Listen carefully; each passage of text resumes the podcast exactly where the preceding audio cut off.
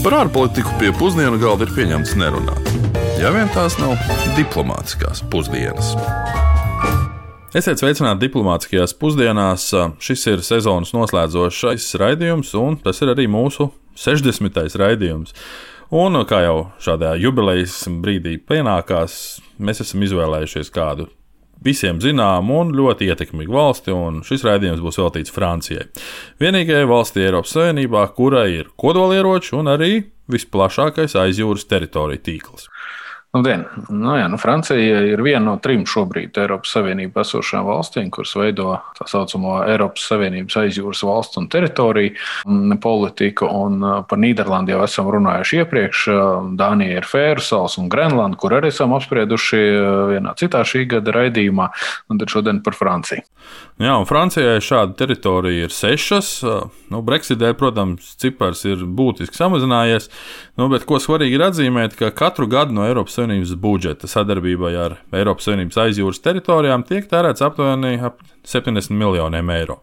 Jā, bet bez šīm aizjūras teritorijām. Francija ir vēl arī piecas citas teritorijas, kas skaitās daļa no Francijas, jau tā saucamie Francijas aizjūras departamenti. Un katrā no tiem arī tiek lietots eiro un pilnvērtīgi darbojas Eiropas Savienības normas. Un zināmākā noteikti būs Franču Gvijāna Dienvidamerikā blakus Brazīlijai. Starp citu, kādreiz, ja jūs mēģināt kāds paņemt uz muļķi kādā erudīcijas spēlē, tā ir arī garākā Francijas robeža. Proti, neviena robeža Eiropas daļā ar kaimiņu valstīm nav tik gara kā Franču Gvijānas un Brazīlijas robeža. Un Franču Gvijānā, starp citu, atrodas arī Eiropas Savienībā lielākais nacionālais parks, proti, Gvijānas Amazonijas parks. Jā, un pie Franču Gvijānas krastiem ir arī bēdīgi slavenā Velna sala atrodama, kas līdz pat 1953. gadam darbojās kā cietums, un, diemžēl, ar, ar, ar bēdīgu mirstības rādītāju 75% no ieslodzītajiem. Nu, ja kādam interesē šis fakts un sala vēl vairāk, tad ir ļoti slavena Anri Šarjē autobiogrāfiskā grāmata, kas uh, iedvesmoja arī 1973. gada filmu ar šādu pašu nosaukumu Papiljonu, jeb uh, Tauriņš. Nu, ja nu kāds netiek klāt šiem šedevriem, tad ir pieejams arī, protams, 2017. gada sanitarizētais Hollywoods remakes. Starp citu, šī ir grāmata, kur ir izdota arī latviešu valodā. Un īstenībā aptuveni pirms pāris mēnešiem es to kārtīgi reizi pārlasīju. Un, jā, nu, tā ir no tādiem, varētu teikt, pusauģu gadiem viena no manām mīļākajām grāmatām vienmēr bijusi. Jā, nedaudz aizrāvāmies mēs ar Franču Gvijānu, bet labāk parunāsim par pašu Franciju. Un, uh, vispirms, kā ierasts, pavaicāsim mūsu klausītājiem, ar ko tad viņiem asociējas Francija. Uh, to dara Juldis Česbers, un atšķirībā no Nauru vai Kongo par Franciju gan katram ir kas sakāms. Ar ko jums asociējas Francija? O, ar Eifeļtorni, mīlestība. Francijā jau tas kokteils ļoti plašs ar um, vidusjūra, virtuve, hokejs, cits sporta veidi, kultūra. Mm, tur varētu ilgi runāt. Ar eifeļtorni un ar um, daudz kādām bulciņām, es nezinu. Un, un ar skaisto franču valodu. Kaut ko arī māku, žumapeļu kristiānu. Francija man saistās uh, ar skaisto franču valodu, ar Eifeļu torni, ar Luvru. Francijā pirmais ir Parīzē ceļojums Vīns, kā saka, tur gan jau ir būts. Tad, tā ir vairāk ar senu vēsturi, kultūru, plašu, ko, kā saka, vēl kādreiz vajadzētu noteikti apskatīties, iepazīt vai kā. Francija ar automašīnu dedzināšanu un nekārtībām ielās. Vairs ne ar ko citu. Ar ko? Ar, ar, ar franču valodu, ar franču kultūru. Un protams, Parīzi un Lavandas un Francijas dienvidi un kas tur vēl viņiem ir. Nu, Francija ir Eiropas demokrātijas arī mūsdienu tāds šūpulis. Jā. Mēs sākumā tā arī nemaz nepateicām, cik daudz kodolieroču Francijai ir. Francija, kurā dzīvo 68 miljoni iedzīvotāju, ir apmēram 290 kodola galviņas, no kurām lielākā daļa atrodas Francijas jūras karaflotes rīcībā. Mm, Francijas jūras flote jau nav nekāda mazā. Precīzāk sakot, tā ir piektā lielākā pasaulē pēc kuģu un zemūdeņu skaita. Skaits tiek rēķināts ap 180 aparātiem. Tostarpā ir arī ar kodoldegvielu darbināmais aviācijas bāzes kuģis, flagmanis nosaukums Šarls de Gauls. Jā, Francijas jūras kara flote ir ne tikai lielākā Eiropas Savienībā, bet arī viena no vecākajām pasaulē. Nu, Sapratu, mēs noteikti atceramies arī uh, Francijas centienus notirgot divus Mistrāla klases karakuģus Krievijai. Nemaz tik nesen, pirms uh, gadiem, 10, 2010. gadā. Tas toreiz izsauca plašu sašutumu NATO partneru vidū, un uh, pēc attiecību pasliktināšanās starp Krieviju un Rietumvalstīm nauda Vladimiram Putinam tika dota, un kuģi galu galā tika notirgoti Eģiptei. Nu, ja kādu interesē, tad šī darījuma cena par diviem kuģiem vien bija nu, aptuveni 950 miljonu eiro. Nu, un, ja kādu vēl interesē, tad uh, līguma laušana ar Krieviju paredzēja, ka Francija šos kuģus netirgos valstīm, kurām ir iebildumi pret Krievijas interesēm. Nu, konkrēti pat bija norādīts Polijai un Baltijas valstī.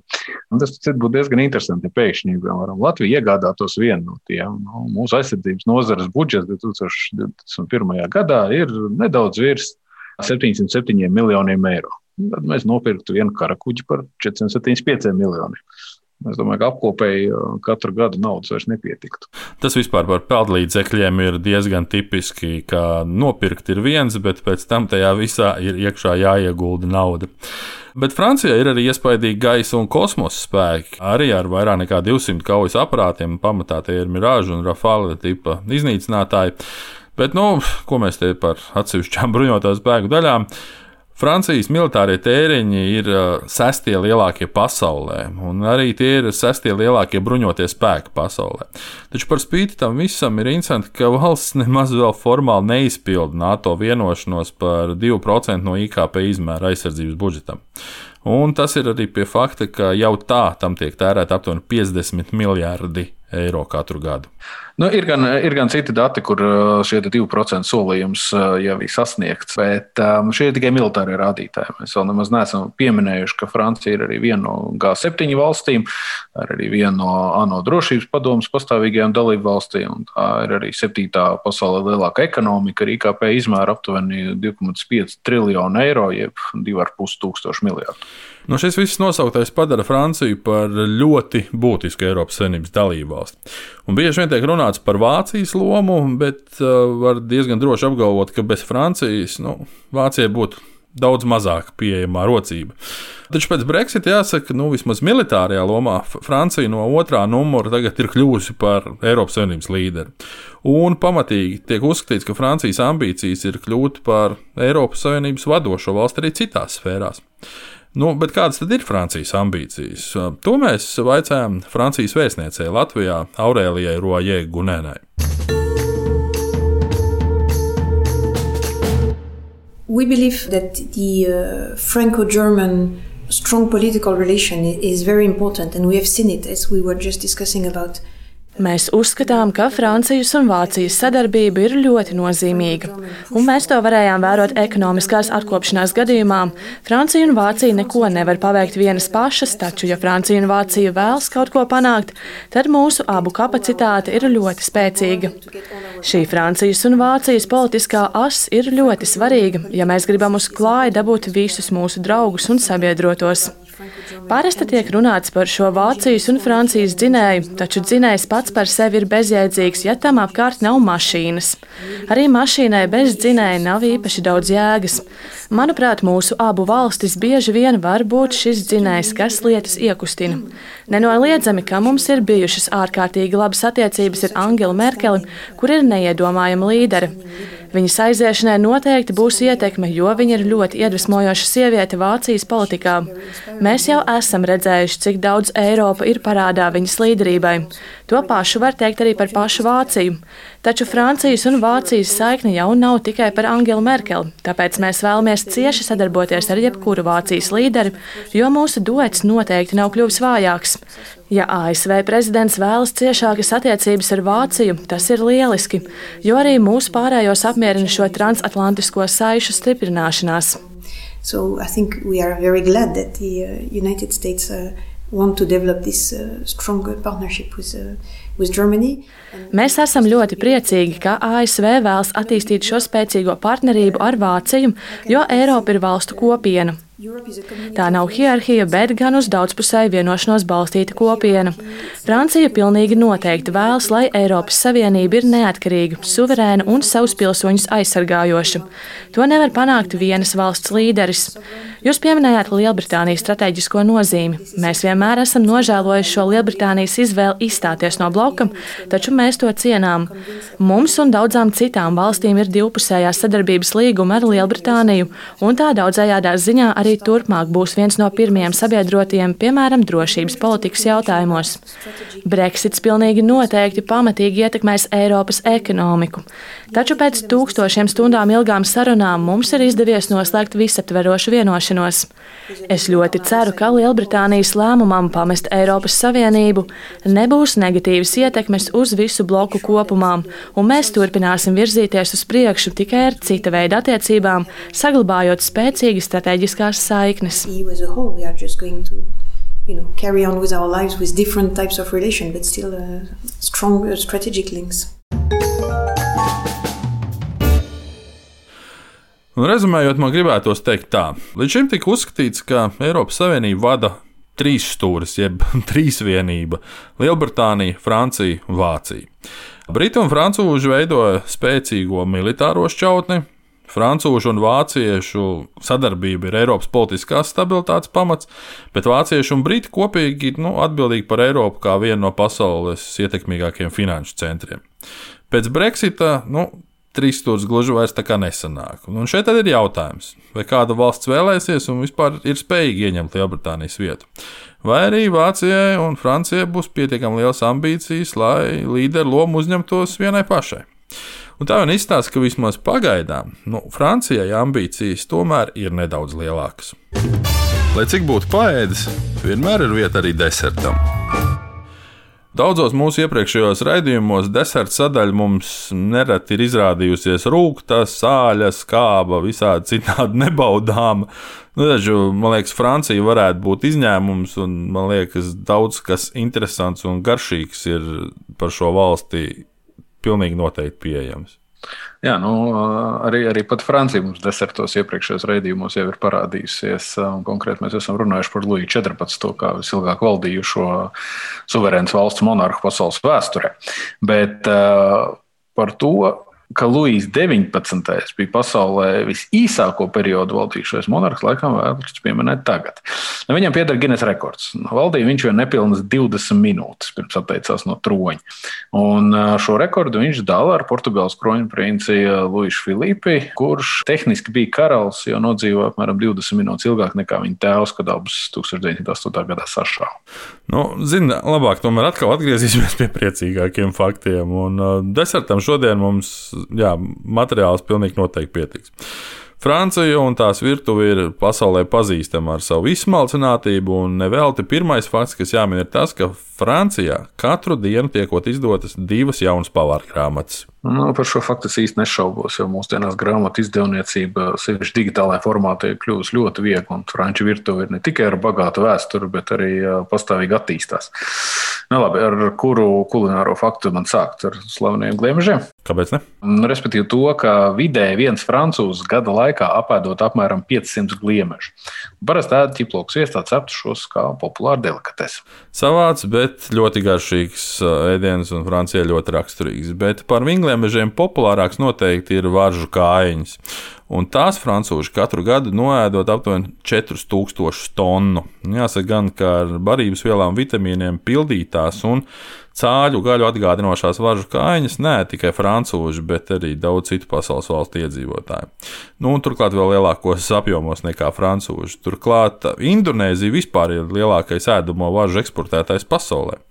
Un tas, protams, ir nostādījis daudzas varžu sugas uz izmiršanas robežas. Tādēļ Francijā varžu audzēšana un sauļu ķeršana ir sākuši valstiskā līmenī krasi ierobežot. Nu, pašu lietošanai ķert vēl ir atļauts dažos reģionos, bet, nu, kā var iedomāties, to bieži pārkāpj komerciālos nolūkos. Jā, nu varbūt nu jāpāriet uz kaut ko vegetārāku tālāk. Tad, uz kaut ko tādu, ko mēs domājam, kas ir francūši, bet patiesībā nav viņi izgudrots, bet uh, tikai veikli pārņemts. Nu, sākšu ar to, ka šobrīd uh, tik populārie mandeļcepumi, makaroni ir uh, radušies kādā Itālijas abatijā 8. un 9. gadsimtā. Un tikai 16. gadsimta vidū recepti atved uz franču galmu, no kurienes tie arī sāk savu uzvaras gājienu. Nu, tikpat līdzīgs stāsts ir arī ar krosāniem. Nu, tie arī nav oriģinālā nemaz franču, bet gan austriešu. Un 13. Uh, gadsimta austrieši sāka cept uh, hipferus, un 19. Uh, gadsimta vidū austrietis Augusts Canks atvēra vīnes bulanžēriju Parīzē. Un no tā brīža jau krosāna uzvaras gājiens Francijā nu, sākās dažādās NTAs variācijās. Man mīļākā ir ar sviestu un mandelēm, ja nemaldos. Bet, eh, lai rehabilitētu franču virtuvi, tomēr jāsaka, ka bagetes gan ir franču izcelsmes, eh, bet arī to pagatavošanas procesu filtveidošanā jāsaka paldies ir Augustam Cangam, kur atvestās austriešu tehnoloģijas tieši ļāva šo 18. gadsimta produktu padarīt viegli cepamu, sākot jau ar 19. gadsimtu. Bagetes, efeļu tornis un vīns. Nu, laikam, trīs lietas, ar ko Francija asociējas tik daudziem pasaules iedzīvotājiem. Tādēļ vīnu nevar nepieminēt, protams, un francūži katru gadu izdzerot 11,2 miljardus vīna glāžu. Lai arī vīna patēriņa cipari pēdējās pāris desmitgadēs krītot, Francija ir otrā vietā pasaulē pēc ASV ar patēriņu gandrīz 2,5 miljardu litru gadā. Amerikāņi francūši pārspēja relatīvi nedaudz kopējā apjomā, bet, ja skatās uz vienu iedzīvotāju, tad francūši, protams, ir nepārspējami. Tu pieminēji Eifeļa torni.